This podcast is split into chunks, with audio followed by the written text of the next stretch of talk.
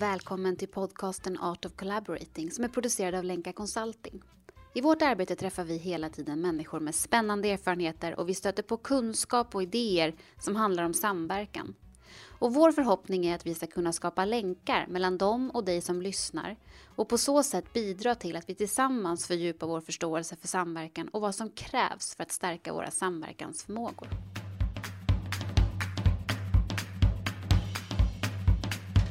Jag heter Matilda Ardenfors och jag driver tillsammans med Anna Singmark och Caroline Bottheim Lenka Consulting.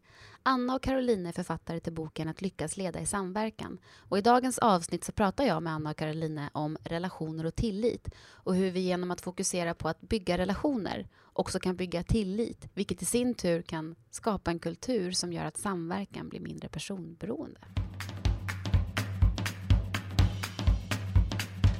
I boken Att lyckas leda i samverkan så skriver ni om relationer och tillit. Och ni inleder det kapitlet med ett resonemang om att vi har skapat språkspel i vår kultur där konkurrenstänk beskrivs mycket som en framgångsfaktor och där tydliga strukturer är det som krävs för att komma vidare i våra processer. Och att samverkan handlar ju om någonting annat. Det är ju liksom en processer och sammanhang där ingen har mandat att bestämma över någon annan och sådär. Det krävs någonting annat för att bära en organisering, en process och ett resultat framåt. Det är så ni introducerar det här kapitlet om relationer och tillit. Hur kommer det sig att ni har den ingången? Jag tänker att vi har ofta sagt att eh, relationer och tillit är själva kittet i samverkan. Eh, och det är precis som du säger Matilda, att eh, vi har ju inga andra egentligen medel att mobilisera. Tillit blir ju så centralt för att vi faktiskt ska, ska vilja fortsätta och utveckla saker tillsammans.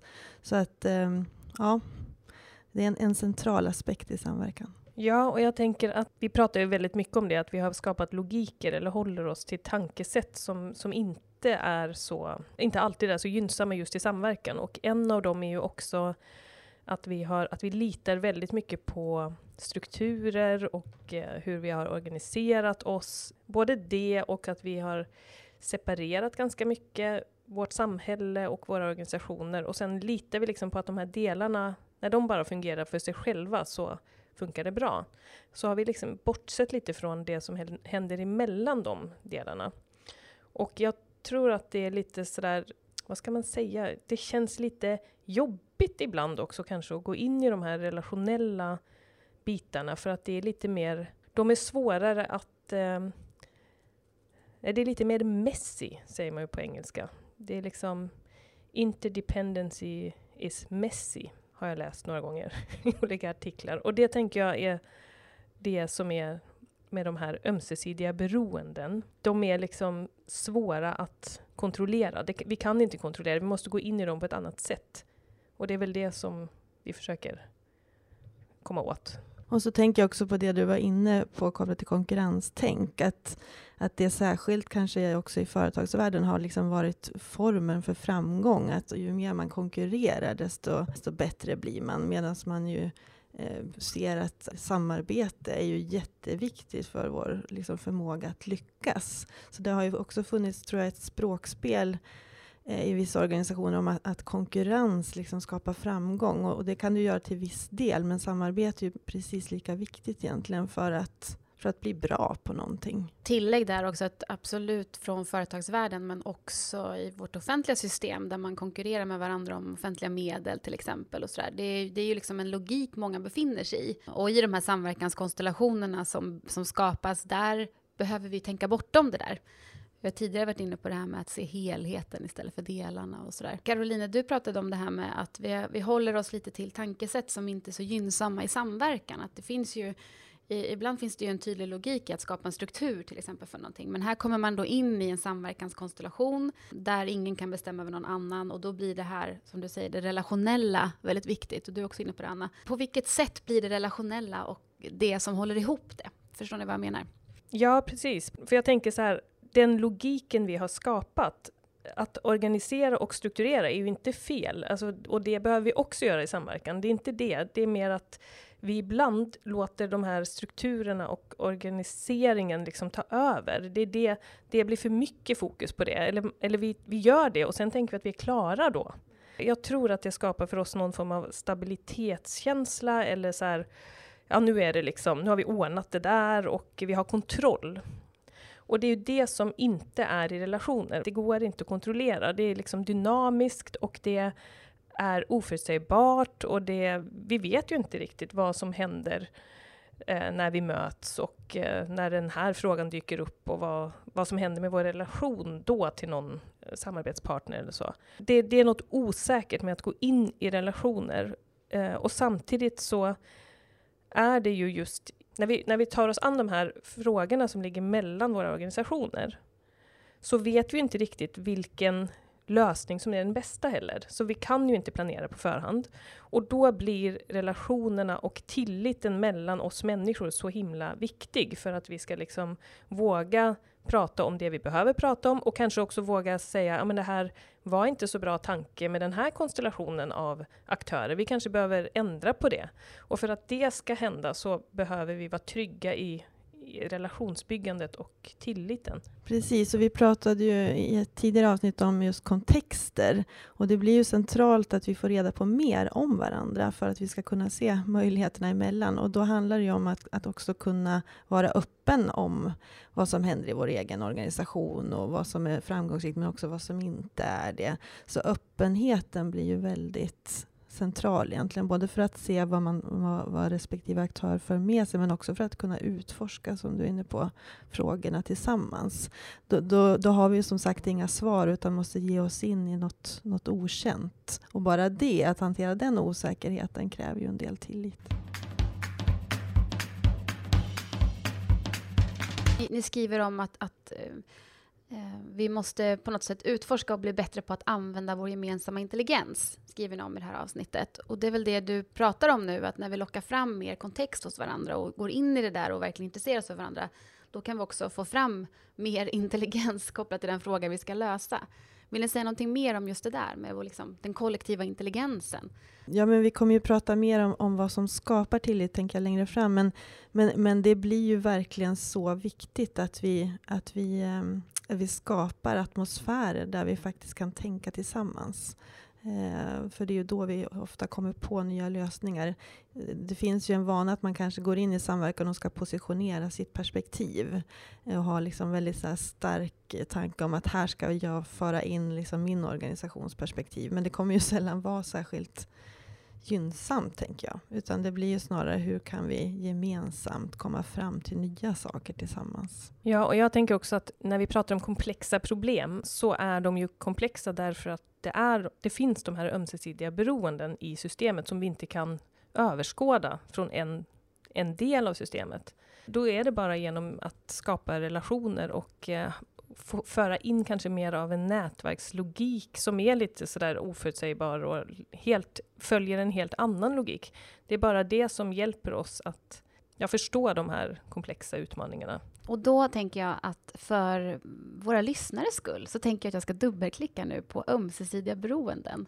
Vad menar, vad menar du eller vi när vi pratar om det? Jag försökte säga det på engelska. Mm. Interdependency. Jag vet inte hur man kan säga det på svenska på, något annat sätt än ömsesidiga beroenden. Ja, jag tycker ömsesidiga beroenden uttrycker någonting som handlar om att eh, vi kan inte förstå det heller från ett håll. Det är ju, eh, vi kan förstå relationer bara från minst två håll, vilket redan gör det ganska komplext, för att då det finns inte en sanning om relationen som är liksom mer sann än den andra. Och när vi då tittar på de här systemen vi är en del av i vårt samhälle och eh, inte bara vårt samhälle, men som människor, vi hänger ju ihop liksom så otroligt mycket all, allihopa. Och eh, då blir det bara så himla uppenbart att vi kan inte vi är ju ömsesidiga beroende, vi påverkar varandra hela tiden på olika sätt. Men vi har liksom vi är inte så vana vid att lyfta in det där ömsesidiga beroendet och lägga det på bordet och tänka kring det. Liksom. Hur ska vi hantera det? Och vi har ju en bild i vår bok där man, med den här frågan, hur går det för relationen mellan oss? Och det är lite att ha det perspektivet, att tänka på relationen som en egen, som något eget också, som ett eget fenomen som vi kan liksom, som vi behöver titta på. Anledningen till att jag vill dubbelklicka på det, det är för att när vi till exempel sitter och läser mycket eh, litteratur som kommer nu från OECD-håll och sådär som handlar om collaboration som ett nytt, liksom, eh, som, som det nya måstet på något sätt, så använder man sådana begrepp. Eh, interdependency till exempel. Men det är inte alltid så att man beskriver vad man menar med det. Men det var väl ett jättefint svar. Jag tänker också att det finns sådana exempel att tänka på alla beroenden. Man kan, man kan utgå från en måltid och börja titta på måltiden utifrån hur allting hänger samman. Både livsmedelskedjor, kultur, eh, matvanor, allt. Det är massa olika fenomen som hänger ihop med den här måltiden som vi tar för givet. Och så är det ju i många frågor vi jobbar med. Att, eh, vi ser inte alltid de där beroendena, men hur vi alla egentligen är sammanlänkade med varandra. Men då tänker jag att om vi kommer in lite mer på det här med tillit då. Eh, nu har vi kanske satt tonen för vad vi, vad, varför vi tänker alltså att det är viktigt att fokusera på. Så beskriver ni ju att eh, tillit kan betraktas som en process snarare än som ett, liksom ett statiskt tillstånd. Det är liksom inte av eller på. Vi har antingen tillit eller inte, utan det är någonting som är ständigt pågående. Um, får gärna utveckla det. Vi är ju lite vana att tänka att vi antingen har tillit, eller att vi har tillit eller inte har tillit. Eh, men eh, det blir ju allt mer uppenbart och vi har ju också pratat med olika forskare kring tillit, att tillit är snarare, tillit är snarare en process, att vi skapar eh, eller min, vi, vi, stärker eller minskar tillit hela tiden och att det finns saker som vi, vi kan göra som, som faktiskt stärker tilliten. Så det är snarare att se det som också, också, som en dynamisk faktor, att om vi gör vissa saker tillsammans så finns det större sannolikhet att vi, att vi stärker vår tillit. Guido Möllring till exempel, som vi har, haft eller som vi har samarbete med, menar ju till exempel att ja, men när vi fortsätter jobba tillsammans, trots att vi kanske stöter på motgångar och vi bara fortsätter, så stärker det vår tillit. Eller när vi skapar någonting nytt tillsammans, så, skap, så stärker det också tilliten. När vi lär oss tillsammans, så, så, så stärker det tilliten. Så det finns saker som vi kan göra som ökar vår tillit. Och jag tror i varje samverkansprocess, så om man också skulle prata om det, så skulle det vara ganska, eller så skulle många aktörer kunna säga vad är det vi gör egentligen som, som stärker tilliten och vad är det vi gör som minskar tilliten. Vi brukar ställa frågan på våra kurser också, eh, vad stärker tilliten i er samverkan? Och då finns det ofta saker som ja, men öppenhet stärker tilliten, att vi gör det vi säger skapar tillit och så vidare. Ja, och när du säger det så tänker jag på det som också är så, så bra och viktigt. För det är nämligen att vi vet väldigt mycket redan om det här. Vad är det som stärker och skapar goda relationer? Det vet vi, för att vi är människor och vi är i relationer hela tiden. Men vi pratar inte så mycket om det, så att bara liksom ställa de frågorna och prata om det tillsammans gör att vi synliggör det vi behöver bli bra på. Och i och med att vi gör det så stärker vi också det. Så det är liksom en eh, det är något väldigt positivt, tänker jag.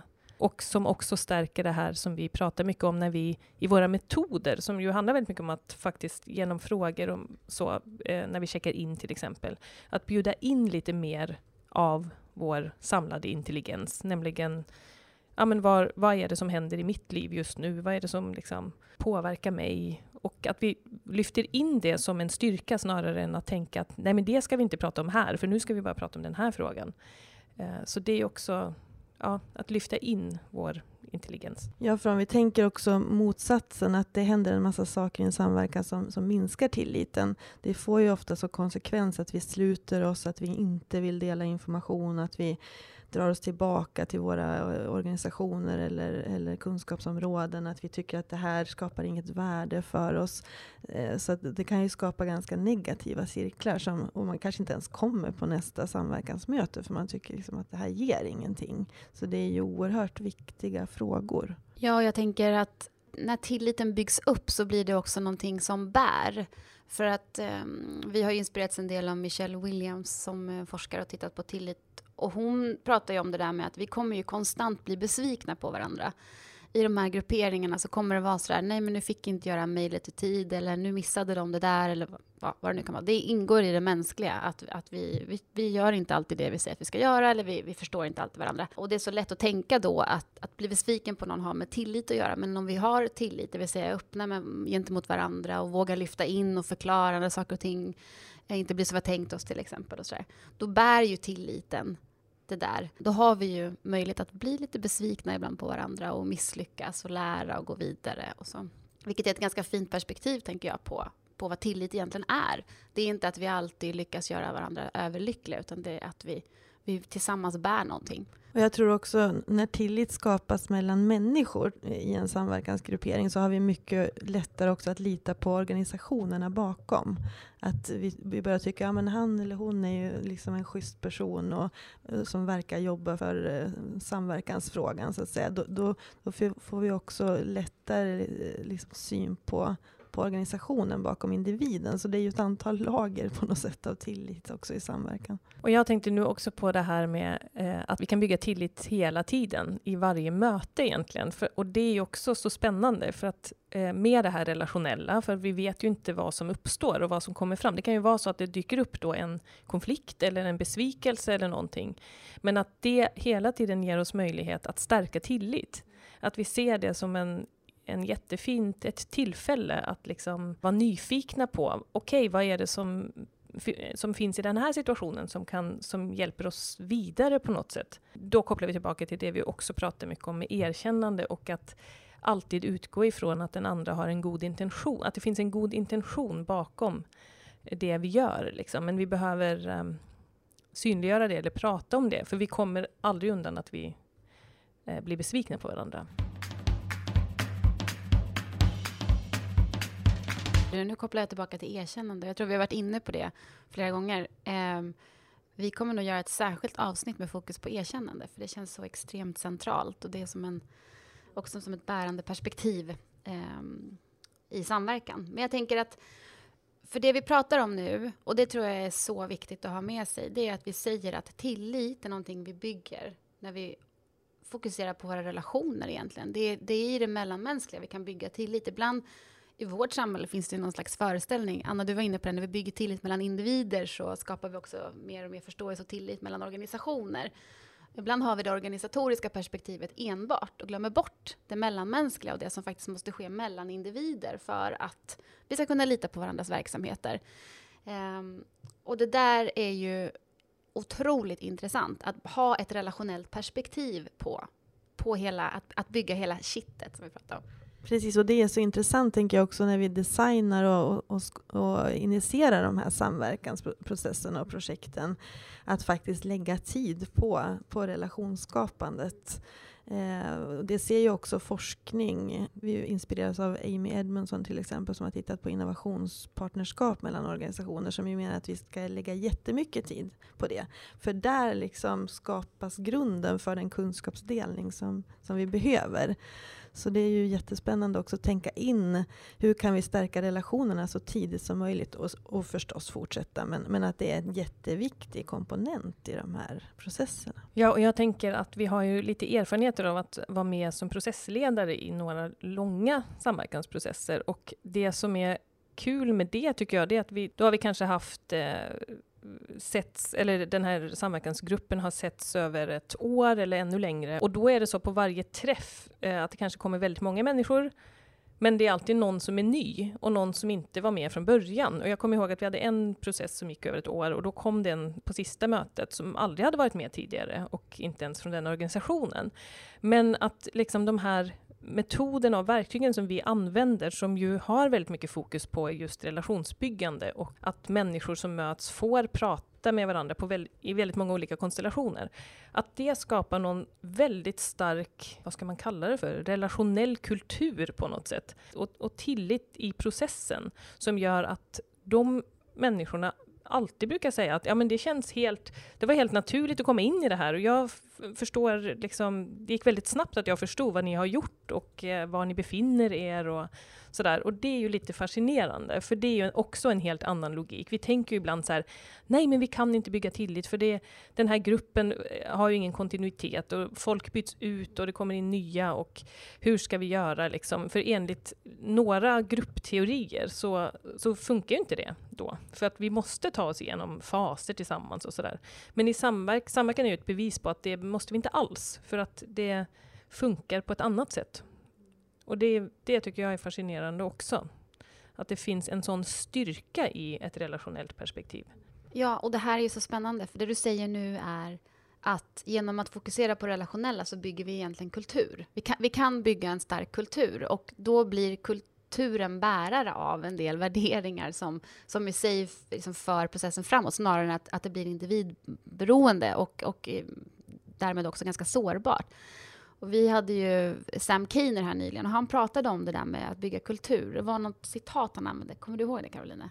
Ja, men det var ju det här att han sa att det är inte eh, personerna som, som skapar kontinuiteten, det är kulturen. Mm.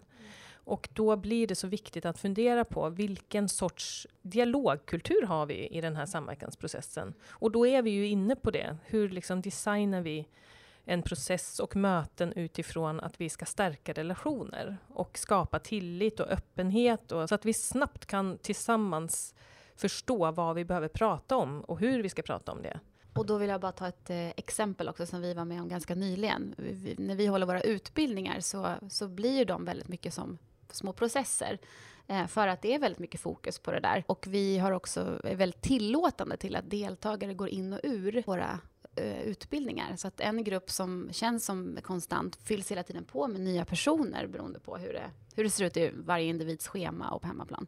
Och då får vi ofta den feedbacken att oavsett om det är delvis nya personer med vid ett tillfälle så känner man ganska snabbt att det här är en grupp som fungerar, en fin process och vi känner tillit till varandra, vi vågar göra massa övningar tillsammans etc. Och det där ser ju vi som ett, ett, också ett bevis på att när man fokuserar på det relationella så bygger man en kultur som, som inte är individberoende. Utan den, den bär processen framåt. Det är väldigt kraftfullt. Och jag tänker också på att det är, nu tänkte jag på erkännande igen. Det är som att det dyker upp här hela tiden. För att det är någonting med att vi också har bestämt oss för att vi har en inställning till det, eh, till oförutsedda saker som handlar om att tänka ja och. Och det gör vi ju väldigt medvetet. Och ibland kan man ju tänka så här, men herregud, hur ska det här gå? Vi blir ju jättemånga på den här utbildningen nu, för att eh, i ett ganska tajt rum. Men att vi ändå då tänker att ja, men det löser sig. Det löser sig när vi gör det tillsammans. För jag tror att ibland så kan man blir lite stressad för att man inte har kontroll och man liksom tänker så här, men vi kanske ändå ska sätta en gräns här eller så där. Men jag tror att vår erfarenhet ändå är att när vi tänker ja och så blir det alltid väldigt bra. Och det är liksom för att vi går in med den inställningen tror jag.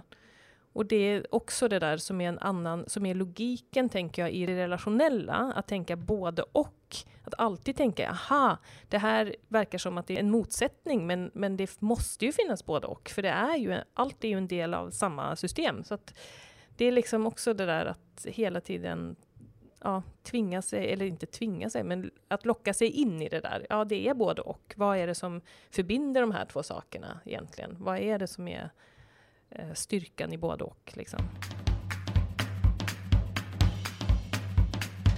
Jag tänker att vi ska börja tratta ner det här eh, lite fluffiga teoretiska resonemanget om relationer och tillit till, till väldigt, någonting konkret. Och eh, vi, det känns som att vi har namedroppat väldigt mycket i det här avsnittet. Vi, här kommer ett namn till, Jodie Hoffer Gutell som eh, är, har inspirerat oss väldigt, väldigt mycket, som har myntat begreppet relationell koordinering och har forskat mycket kring vad är det som, som är viktigt när vi ska stärka vår relationella koordinering. Ehm, och vi är som sagt inspirerade av henne och eh, använder en del av hennes tankar i olika metoder och sådär. Jag tänker att jag kan säga någonting om vad, med, vad, vad, vad, ser vi i den relationella koordineringen som viktigt? Eh, ja, men vi kan ju bara börja med att berätta lite om hennes forskning. Att hon, hon började att titta på, på flygbolag som egentligen eh, erbjöd samma tjänst och såg där att vad som gjorde det ena flygbolaget mer framgångsrikt än det andra var egentligen eh, relationerna och hur man lyckades koordinera sig, både internt och externt. Och sen har ju hon fortsatt att forska på olika också kommuner och, och det finns idag ett globalt forskningsfält kring eh, relationell koordinering också kopplat till stora samverkansinitiativ och där man ser att, att hur vi koordinerar oss egentligen avgör, eller bidrar till framgång bidrar till eh, men, resultat och effektivitet och innovationsförmåga och också trivsel hos, hos människor. Att det är liksom en sån viktig framgångsfaktor. Så där är ju vi jätteinspirerade också eh, kopplat till vad är det som stärker vår relationella koordinering. Och ett konkret då verktyg som vi ibland tipsar om det är ju att verkligen om man befinner sig i en samverkansgruppering antingen gemensamt eller om man börjar med sig själv eller en relation att man, att man faktiskt skissar upp de relationer som man liksom behöver fokusera på och tar sig en liten funderare kring hur ser den liksom relationella koordineringen ut idag? Vad är det som funkar och vad behöver eventuellt stärkas? Eh, och det där har vi ju använt i många grupper, det verktyget, och ser ju att det, det bidrar med nya perspektiv.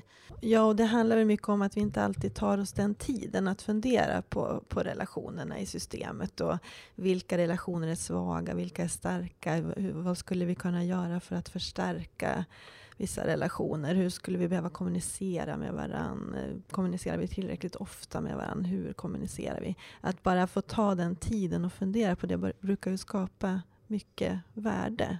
Ja, och igen så är det ju så avgörande att vi har de samtalen tillsammans. Så att eh, vi som ska koordinera oss pratar med varandra om hur ser du på hur vi, hur vi kommunicerar? Hur ser du på om vi informerar varandra i rätt tid eller inte? Eller ja, vad är det som, hur ser du på att vi har gemensamma mål? Eh, eller hur vi har respekt för varandras kompetens också.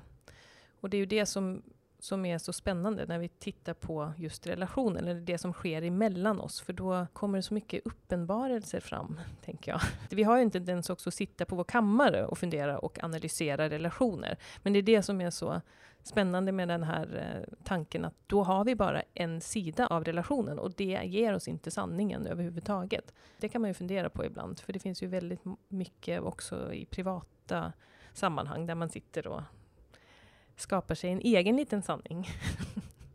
och kanske inte eh, pratar så mycket med den andra. Och då vill jag bara namedroppa en till sak eftersom det här är ett namedropping avsnitt. För det här med att titta på relationen från flera håll, där har ju vi inspirerats av Gregory Bateson väldigt mycket. Som tog det på allvar på något sätt i sina texter och sin, sina tankar. Liksom.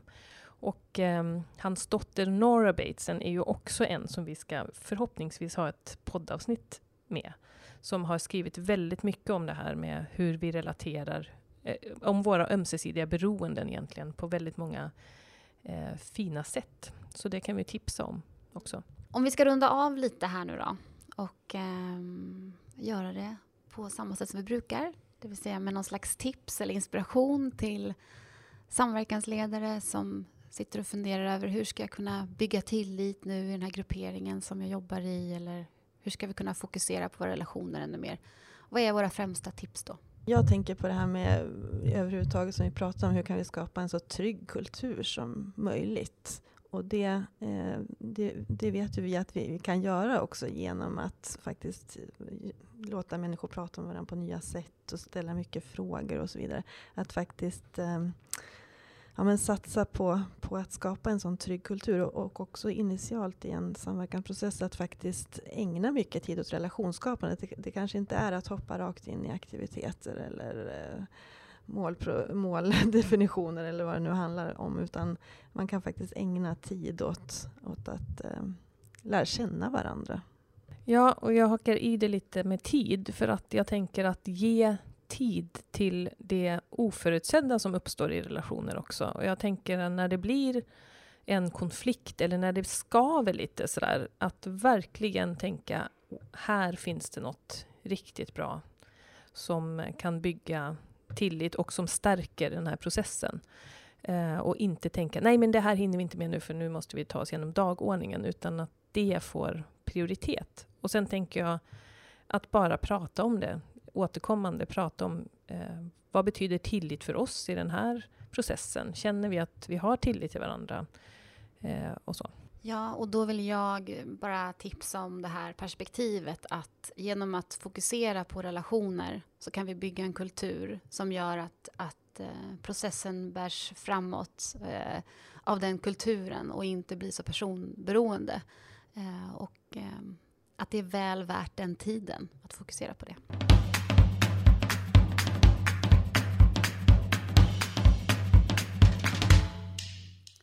För att du har lyssnat. Art of Collaborating är producerad av Lenka Consulting och redigering görs av Emma Larsson som är skribent och dokumentärfilmare. Vi hoppas att du känner dig inspirerad och motiverad att fortsätta utforska och stärka dina samverkansförmågor.